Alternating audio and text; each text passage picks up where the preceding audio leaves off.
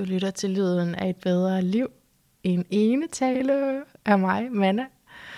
Sådan en øh, nytårs en. Og øh, jeg har tituleret den. Fortæl mig noget, jeg ikke ved. jeg, griner, jeg griner selv, ikke? Jeg synes selv, det er sjovt.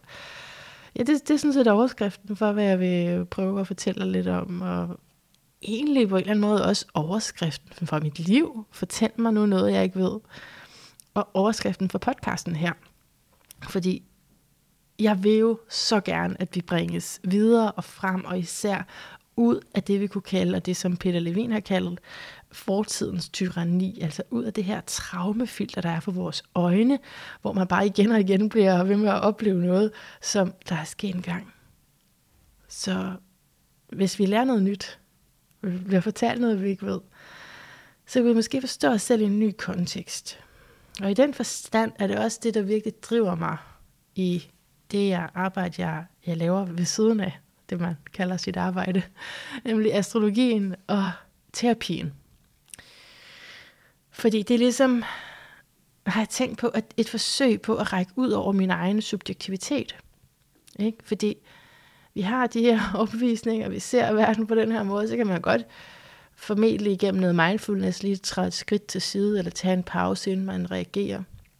Men det at have de her redskaber, det, det ser jeg virkelig som mit livskald. For eksempel med astrologien, altså, øh, ja, det her, at jeg altså, kan en eller anden, på en eller anden måde åbne op ind til folks indre, og forstå det.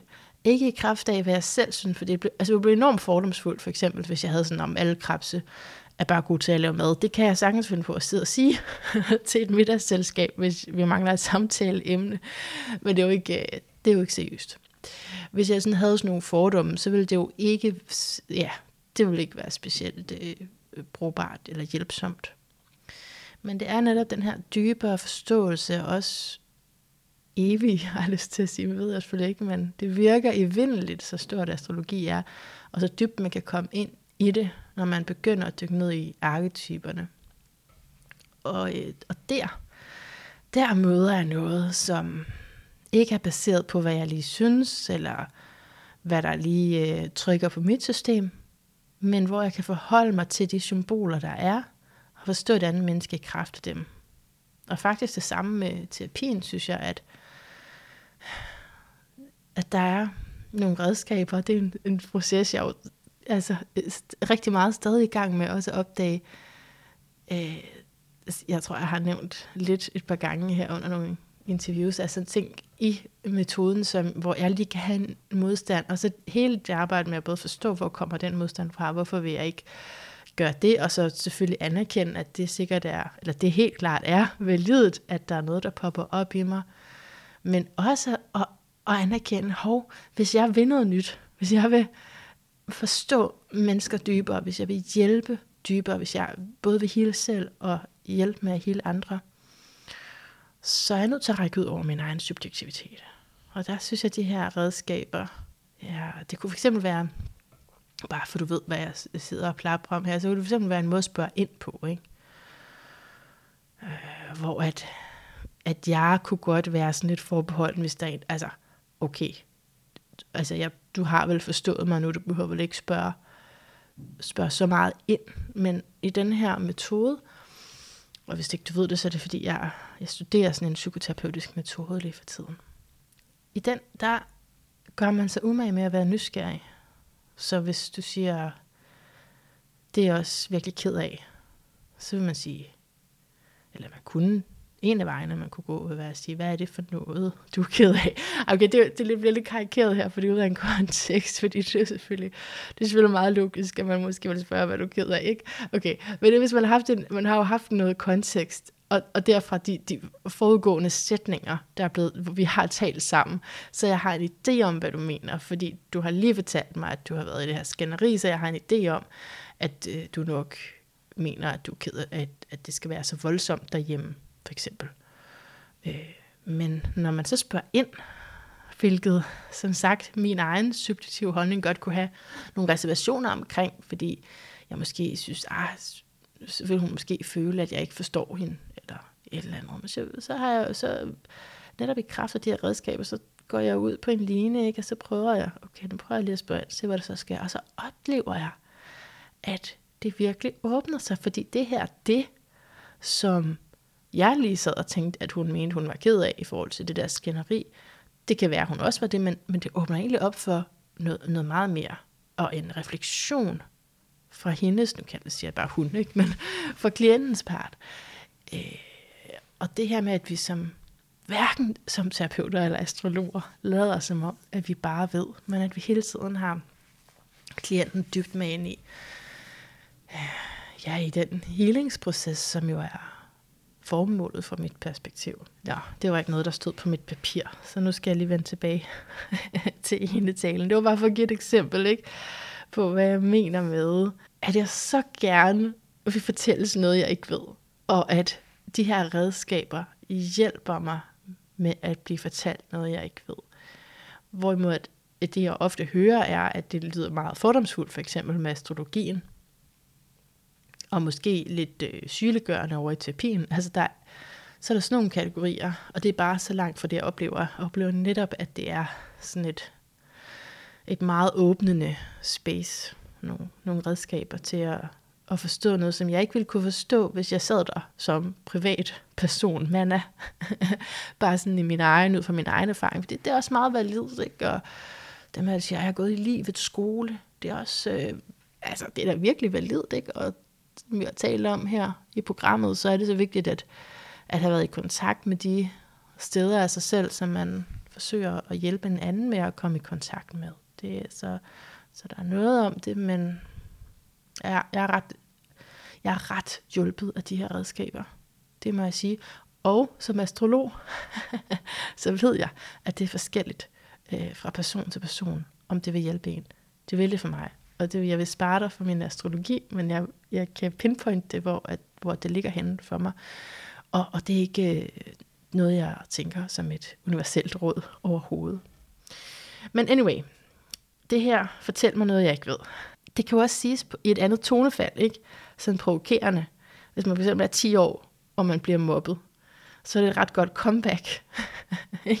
Fortæl mig noget, jeg ikke ved. Fordi, hvad skal de der mobber så sige, hvis man bare bliver ved med at sige, fortæl mig noget, jeg ikke ved. Så man ligesom, men det er selvfølgelig ikke så godt, fordi man tager det også lidt på sig, så ikke, hvis man bliver mobbet med en kropsdel eller et eller andet. Og man så siger, fortæl mig noget, jeg ikke ved, så, så tilslutter man sig jo ligesom lidt det udsagn der. Så, så det, det er måske ikke lige så heldigt. Så kan man også sige det, hvis man er teenager, ikke? siger det til ens mor. Jeg tror faktisk, det kan gå i mange sammenhæng. Altså, fortæl mig nu noget, jeg ikke ved. Og det, men det er, det er, den sætning kom bare lige til mig den anden dag, og tænkte, den har jeg et eller andet slægtskab med. For den føler jeg godt nok. Altså, jeg har det sådan indvendigt, øh, når jeg bliver undervist. Især når jeg bliver undervist nok hver gang, så har jeg den her fornemmelse af, altså, kom nu til sagen, og det værste er undervisning, hvor jeg ikke må stille spørgsmål. Kan du lige forestille dig det? Det er ikke sjovt for mig. så jeg har, jeg har sådan en, ah, kom nu ikke, ind til kernen. Jeg kan jo nok ikke fortælle dig i den her ene tale noget, du ikke ved, fordi du er jo så klog. Ikke? Så det tror jeg faktisk ikke, jeg kan. Og jeg ved, jeg har jo mødt nogle af jer, der lytter med, og det kan jeg jo slet ikke uh, hamle op med her, hvad I sidder med viden. Så men, men jeg har tænkt, at jeg kunne øh, bruge den her tid, vi har sammen, til at fortælle dig tre ting, som jeg har lært i løbet af 2022. Det er jo et nytårsafsnit. Og som har, har og har haft, men, men, men også har fremadrettet afgørende betydning for mit perspektiv. Så de tre ting, jeg vil fortælle dig om, er kilder til noget, jeg kunne forestille mig vil blive ved med at give mig noget, fortælle mig noget, som jeg ikke ved. Det vil jeg gerne dele med dig. Så øverst på listen står naturligvis, at her i 2022, officielt året, hvor jeg kom i gang med en terapeutuddannelse, som særligt henvender sig til os med komplekse traumer. Så jeg kunne godt tænke mig først at fortælle lidt om traumer, og det vil jeg gå ud fra Gaber Maté, hans eneste bog, The Myth of Normal, normalitetens myte, og nu tænker du nok, at når han taler om øh, normalitet, så må han være stenbuk. Fuldstændig rigtigt. Det er ikke sjovt. Nå, og også, også det, der ligger til stenbuk med at være øh, depriveret, altså frataget øh, rigtig meget omsorg på et tidspunkt i sit liv. Han bærer også sådan et traume med sig der. Og har jo så, ligesom mange andre stenbukke, brugt det rigtig meget til at udholde, at disciplinere sig selv og udholde øh, intenst pres igennem lang tid, og så kan man få en rigtig øh, jo stor karriere. Så, så han, men han er, ja, han er virkelig cool, synes jeg jo. Derfor kunne jeg godt tænke mig at prøve at sige noget af det, som han skriver med mine ord og med hans. Det er lidt en mix, ikke? Men nu siger jeg det mindst referencen, så kan det ikke være helt galt, vel? Han skriver i alt det fra første kapitel i hans bog, øh, at et traume er et sår, en psykisk skade, der er indlejret i vores nervesystem, sind, krop, og som bliver ved længe efter den oprindelige begivenhed, der gav os såret. Så et sår, der når som helst kan triggers som en ongoing kilde til smerte. Og når et sår, som et traume er, ikke heler af sig selv, kan der ske to, to ting, siger han. Det kan forblive råt, men mere udbredt er, at der vokser et tykt lag af arvæv henover. Det sidste er at foretrække, men det er også hårdt at holde bindevæv sammen, og det levende kød kommer ikke igen, eller det regenererer ikke. Et åbent sår er os begrænset i vores kapacitet til at bevæge os fleksibelt, må man sige. Og fordi hvad nu, hvis det skulle ske igen? Og at det er, og det er ufleksibelt, det betyder, at du ikke selv kan træffe valg omkring, hvordan du gerne vil møde op. For eksempel når du bliver skuffet eller udfordret, så bliver du i stedet for hijacket af dine følelser. Eller du kan slet ikke mærke dine følelser. Så er du ikke fri. Og uanset om vores sorg er råt, eller om der er kommet ar, så er et uforløst traume en restriktion af en selv, fysisk og psykisk. Det holder os i fortiden, apropos det jeg indledt med.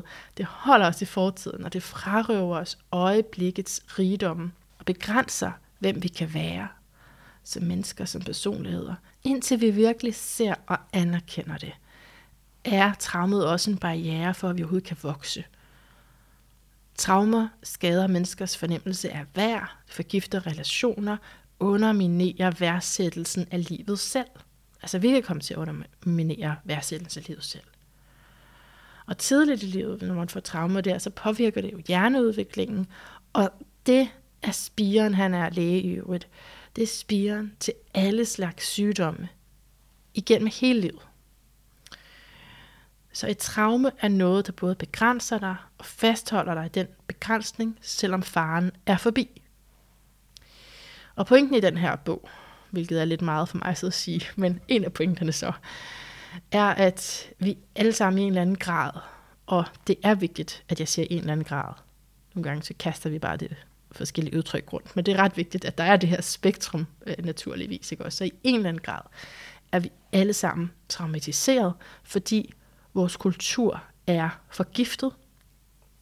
Og det er, når vi skal, ligesom hvis vi skal opfylde nogle standarder, som vi regner for normale, ikke til den her normalitet. Ligesom skal opfylde det, så må vi konforme til usunde og skadelige adaptioner, og det skader os, siger han, både fysisk, mentalt og på et spirituelt niveau. Og det er bitte små adaptioner, som man ikke bemærker, fordi det sker subtilt og også, altså alle gør det, ikke? Det er jo det, der ligger i en kultur. Men det er et tab af kontakt. Og når det tab bliver internaliseret, så ser vi verden igennem en knust linse. Et direkte citat fra bogen er, If trauma entails a disconnection from the self, then it makes sense to say that we are being collectively flooded with influences that both exploit and reinforce trauma collectively flooded with influences that both exploit and reinforce trauma. Og så går han videre til at sige, at, det er, at det, hvad det er for noget kollektiv, øh, det er, der render over. Det er både altså pres for arbejdet, altså det at skulle arbejde, og, og den måde, vi arbejder på, det er den sociale selvfremstilling, og det er ting, vi gør, der skal slå tiden ihjel. Det udtryk er jo meget sigende, ikke? Og han siger, at alt i alt, så skal vi jo øh, at de åbenbart distraheres fra at leve. Eller det er det, der sker, ikke? Det er det, der er effekten, at vi bliver distraheret fra at leve. Så det var Gaber Maté og, og min øh, omskrivning af, af noget af det, han siger. Jeg får lyst til at, at tilføje, at på den måde kan man jo se traumer som noget, vi giver til hinanden. Men det vil, det Det vil være baseret på et eller andet slogan. Men jeg synes, du skal, du skal lige blive hængende, ikke? Fordi du er ikke opmuntret endnu. Det skal vi nok komme til. Og du kan måske endda sidde med den her fornemmelse af, at man er fortælle mig noget, jeg ikke ved, fordi det der, det vidste vi måske egentlig godt, ikke? Vidste det måske egentlig godt, at der var noget, der var noget galt, og du har sikkert hørt noget øh, som det her tidligere. Ja, men så er der den her psykoterapeutiske metode, som jeg øver mig i, og som bare siger mig så utrolig meget. Den støtter op om den enkeltes kapacitet for kontakt og livfuldhed. Og det, der kan man jo lige stoppe op allerede og sige, okay, den enkelte, men du har lige sagt, at det var et kollektivt øh, anlæggende. Ja, det er blevet påført alle mulige steder fra, men, men nu er det jo her, og jeg kan dele med det. Så kan vi få den kontakt til os selv, som vi ønsker. Det er jo ikke nemt, fordi typisk så dominerer de mønstre vores liv som voksne også. Og jo mere de dominerer vores liv, jo mere afkoblet vil vi føle os fra kroppen, fra selvet og fra evnen til at kunne selvregulere. Det her med at vide, hvad det er, vi har behov for at gøre det. Så healing af traumer betyder frihed fra de begrænsende identiteter eller mønstre, der er baseret på såret på traumet. Og nu kan jeg jo snakke længere om indholdet her, men det er noget, som jeg er ved at lære, og det er faktisk det, der gør mig så glad. At der er mere i det for mig, tydeligvis, og hele tiden at, at komme efter. Øh, så ja, men det jeg synes, jeg har fundet ud af øh, her i 2022, det er, hvordan jeg ønsker at arbejde med det på sigt, ikke? når jeg på et tidspunkt er færdiguddannet. Og det er sådan her. Og det er faktisk meget klart inde i mig, men selvfølgelig kan det være, alt kender sig, men det føles så sandt det her. Det er, at man først får lagt et horoskop ved mig, som så kommer til at koste mere end terapisessioner, ligesom det gør nu.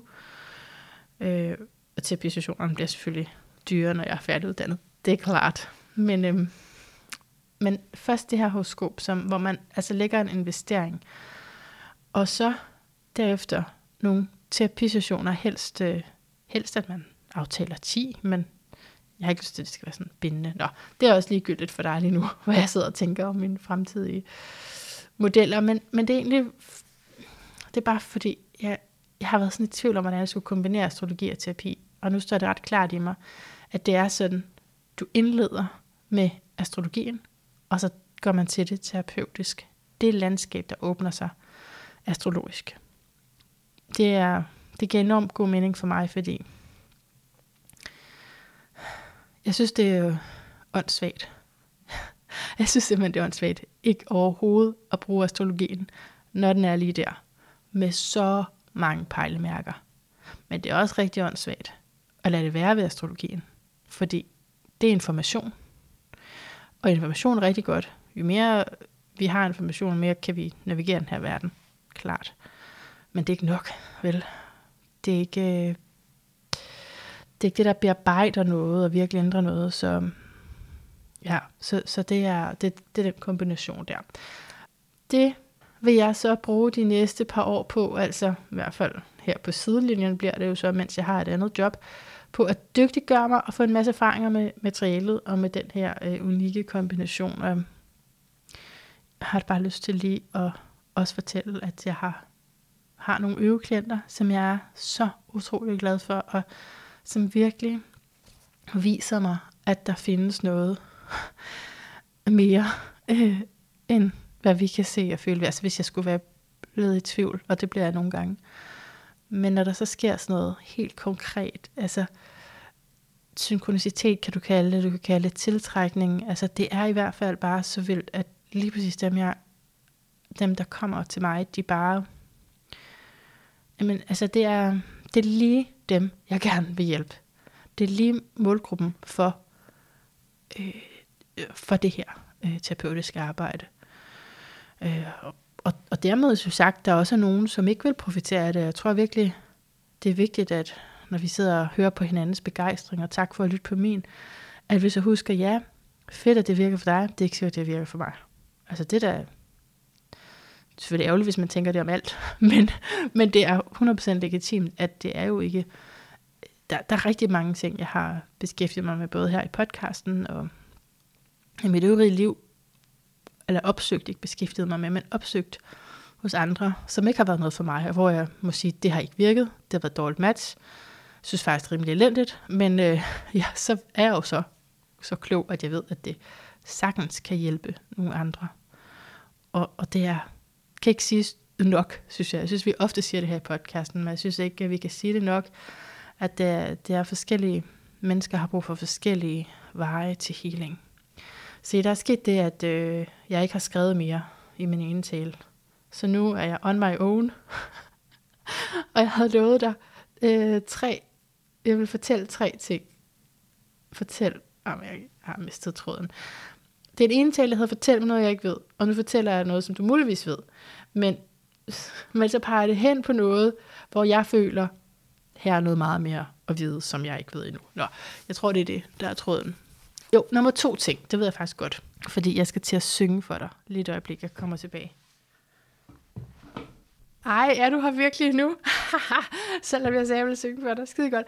Se, jeg har jo stadig det her ærgerelse over, at man ikke kan få lov at bare spille det musik, man øh, gerne vil i podcasten. Men jeg forstår det også godt, fordi øh, de skal have deres penge, de musikere der. Det skal de, mand. Men, øh, men det er lidt ærgerligt, at det går ud over dig lige nu. fordi jeg ikke må spille musikmusik. Nu skal du høre. Så der er to ting, jeg gerne vil sige for 2022. Det er, at jeg har fundet en sang, som bare altid kommer glad, og den rører mig altid. Og jeg er faktisk, jeg er jo, ja, jeg ved ikke, hvad man kalder det. Men, nå, jeg kan faktisk ikke finde et ord. Du må selv finde ud af, hvad det, hvad det her er i kategori med. Men det er sådan, at jeg kan høre den samme sang mange gange i træk, mange dage i træk, mange måneder i træk, og det er sådan lidt specielt, vil min 13-årige datter sige. Men, men altså, det virker for mig. Og den, jeg vil dele med dig, det er Elton John, Love, I'm Gonna Love Me Again. Ikke bare Love Me Again, I'm Gonna Love Me Again. Så det, der kommer til at ske nu, det er, at jeg tager det her i ørerne, så du ikke kan høre det, fordi så er det, at jeg ikke overtræder den her copyright. Og det, jeg så rigtig meget vil anbefale at gøre, det er, at du først lige finder den her sang på YouTube, hvor den ligger gratis. Der må man genspille den gratis. Det er bare i min podcast, man ikke må. Og øh, det vil jeg virkelig, virkelig anbefale. Og nu nu har jeg varslet, ikke også? Fordi jeg synes bare, man skal synge med sin lungers kraft. So this is gonna happen, like it or not, eller bare spol frem. Og så kører vi. Du, du, du, du, du, du,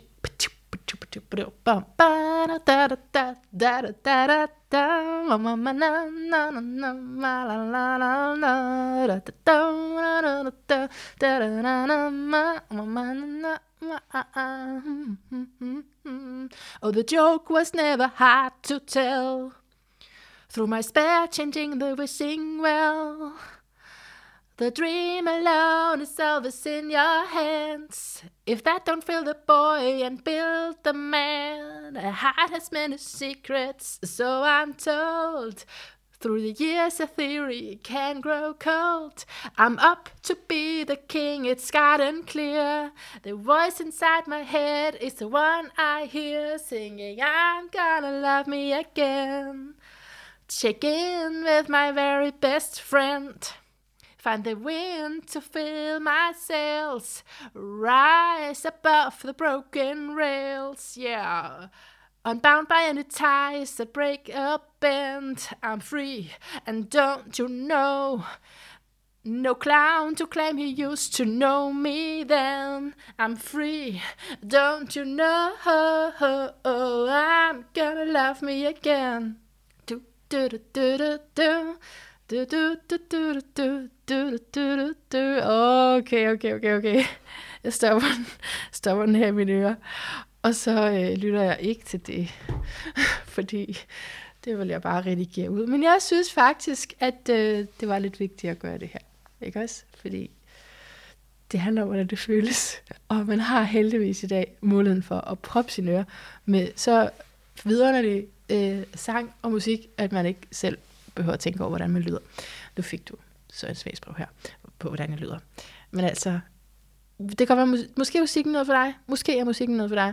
Øh, for mig er musikken rigtig meget noget for mig, men det er den også rigtig meget, fordi det er den tekst, der. Og jeg har, jeg har talt med flere veninder om det her, det er meget forskelligt. Der er nogen, de siger, de lytter aldrig til teksten på musik. De her er det udelukkende på grund af rytmen eller noget andet, øh, som jeg ikke forstår. Fordi øh, for mig er det hele teksten, altså det er teksten, der gør, at jeg bliver interesseret i musik.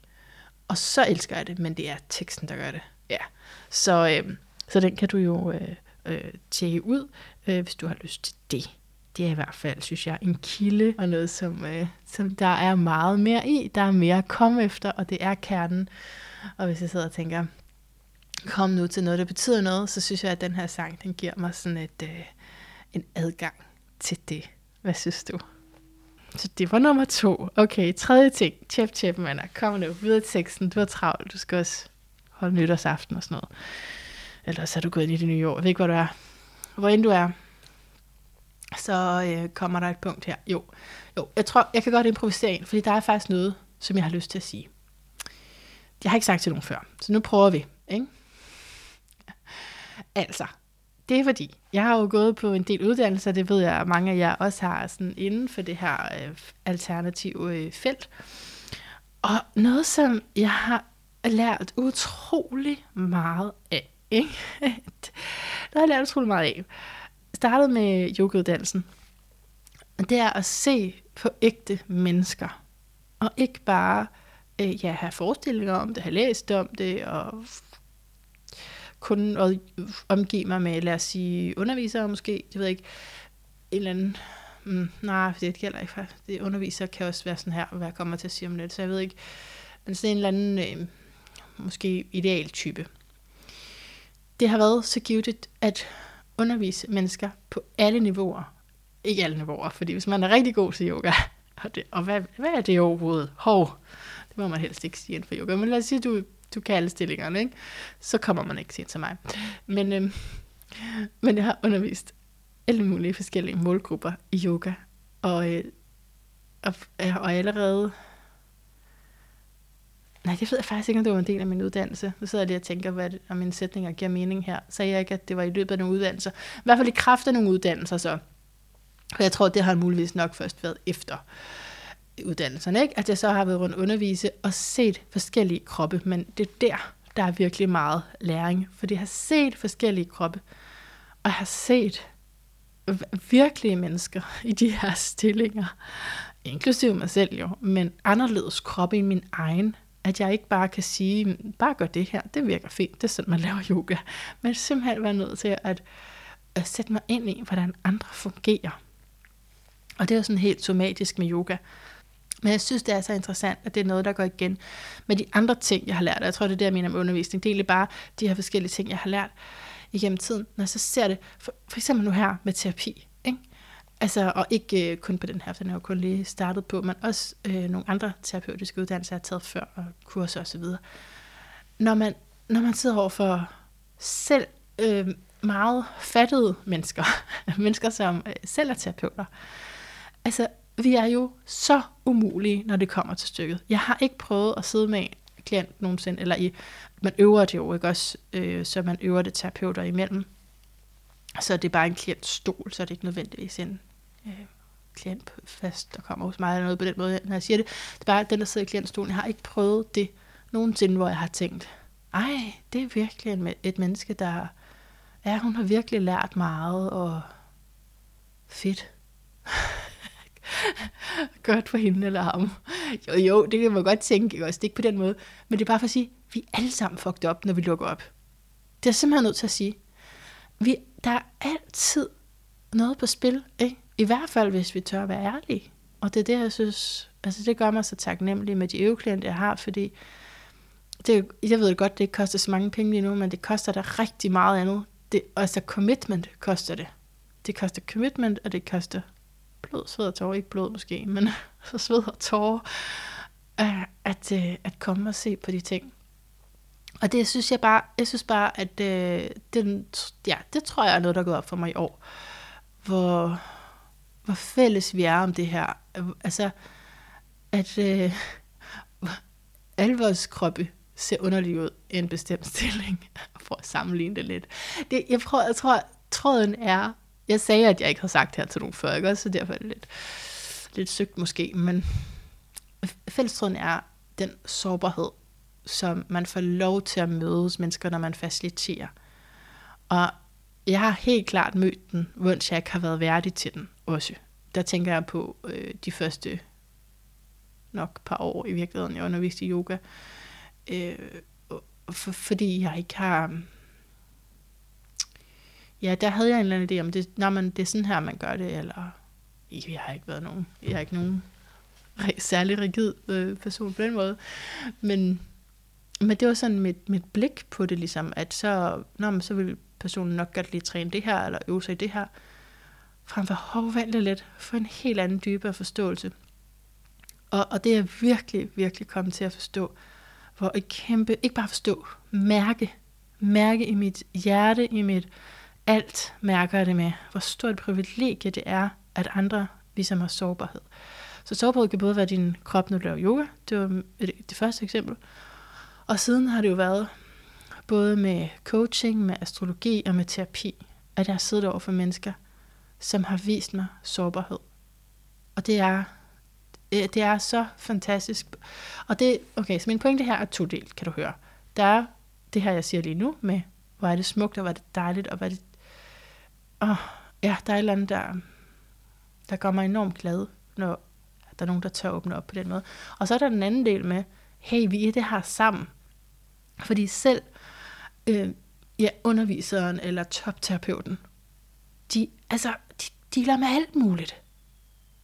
Og øh, jeg har siddet med nogen, hvor jamen, de underviser i øh, de her meget anerkendte uddannelser, og de sidder og har øh, sådan noget som øh, DID. Jeg ved faktisk ikke helt, øh, hvor kendt det er i Danmark, men jeg har læst en del om det på engelsk. Altså, men det, det er den her øh, dissociative altså hvor du dissocierer øh, disorder, øh, hvor man har øh, forskellige personligheder.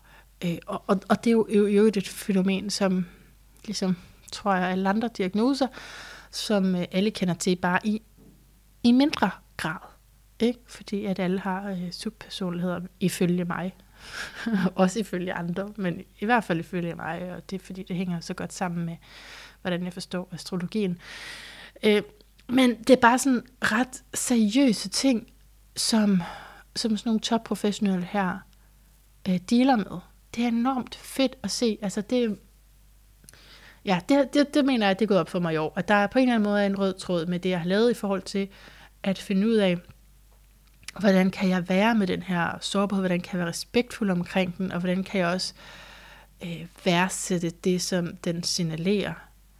Nemlig, at det her, det er os alle sammen. Og dem, som ikke dealer med noget, dem tror jeg aldrig, jeg kommer til at møde. Jeg har ikke mødt nogen indtil videre. Jeg har mødt nogen, der ikke vil åbne op for mig overhovedet. Ja, masser.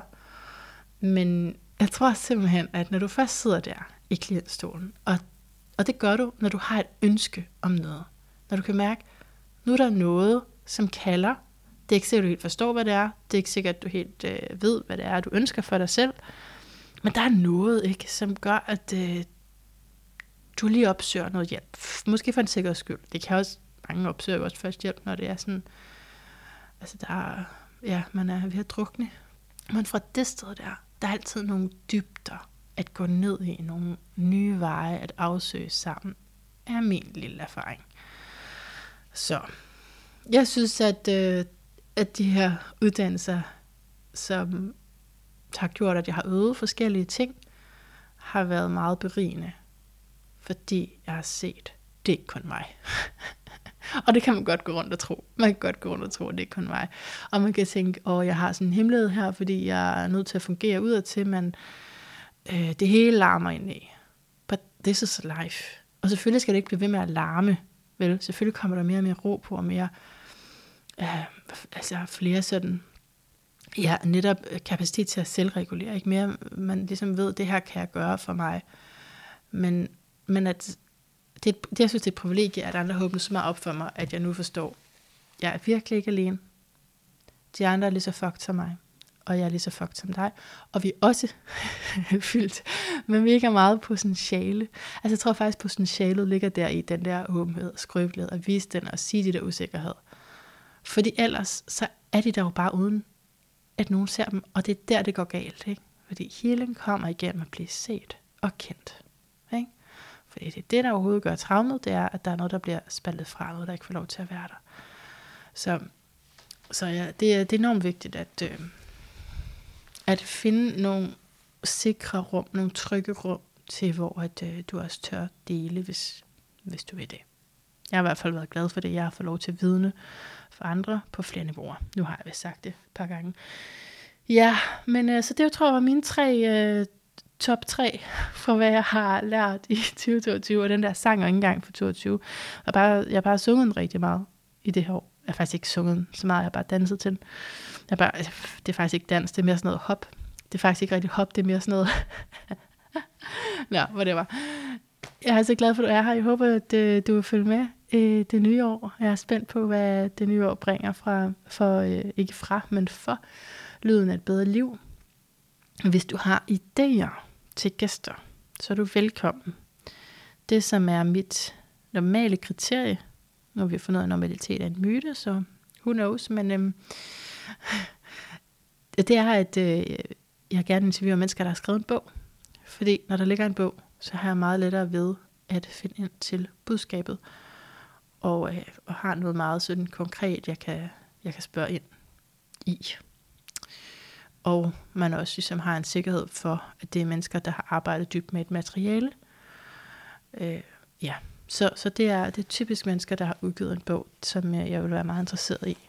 Så endelig foreslår mig nogen, du kunne tænke dig at høre, og øh, så spørger jeg jo videre, om de også har lyst til at høre sig selv. tale med mig i en podcast. Og øh, så har det også været på tegnebrættet, at jeg måske ikke skal udgive hver torsdag. Det er kun noget på tegnebrættet. Jeg er ikke helt klar til at give slip på det nu, men øh, det kan godt være. Der er andre podcast-kollegaer, som har sagt til mig, Manna, det er kun dig, der går op i det der, og du presser dig selv unødvendigt meget. Slap lige lidt af. Og det har jeg, det har jeg fundet rigtig meget resonans med, da det blev sagt. Så, øhm, så det kan godt være, at jeg slipper lidt på det, og det så udkommer noget sjældnere. Men altså, så må jeg jo bare sørge for, at det, det er bedre. Ikke? ja, kvalitet over kvantitet, ja. Åh ja, kære lytter. Tusind tak for dig. Hmm. Jeg håber, at øh, du bare har det helt fantastisk. Og jeg håber, at du kan mærke, at øh, der er kærlighed til dig. Både når du har det fantastisk, og når du ikke har det fantastisk. Indtil vi høres ved igen. Gentænk alt. Måske især, hvilke tre ting, som 2022 har fortalt dig, som du ikke vidste. Og den titel, den freestyler du bare på, ligesom jeg har gjort her. Ikke? Vi høres ved. Godt nytår, glædelig jul, alt det hele til dig.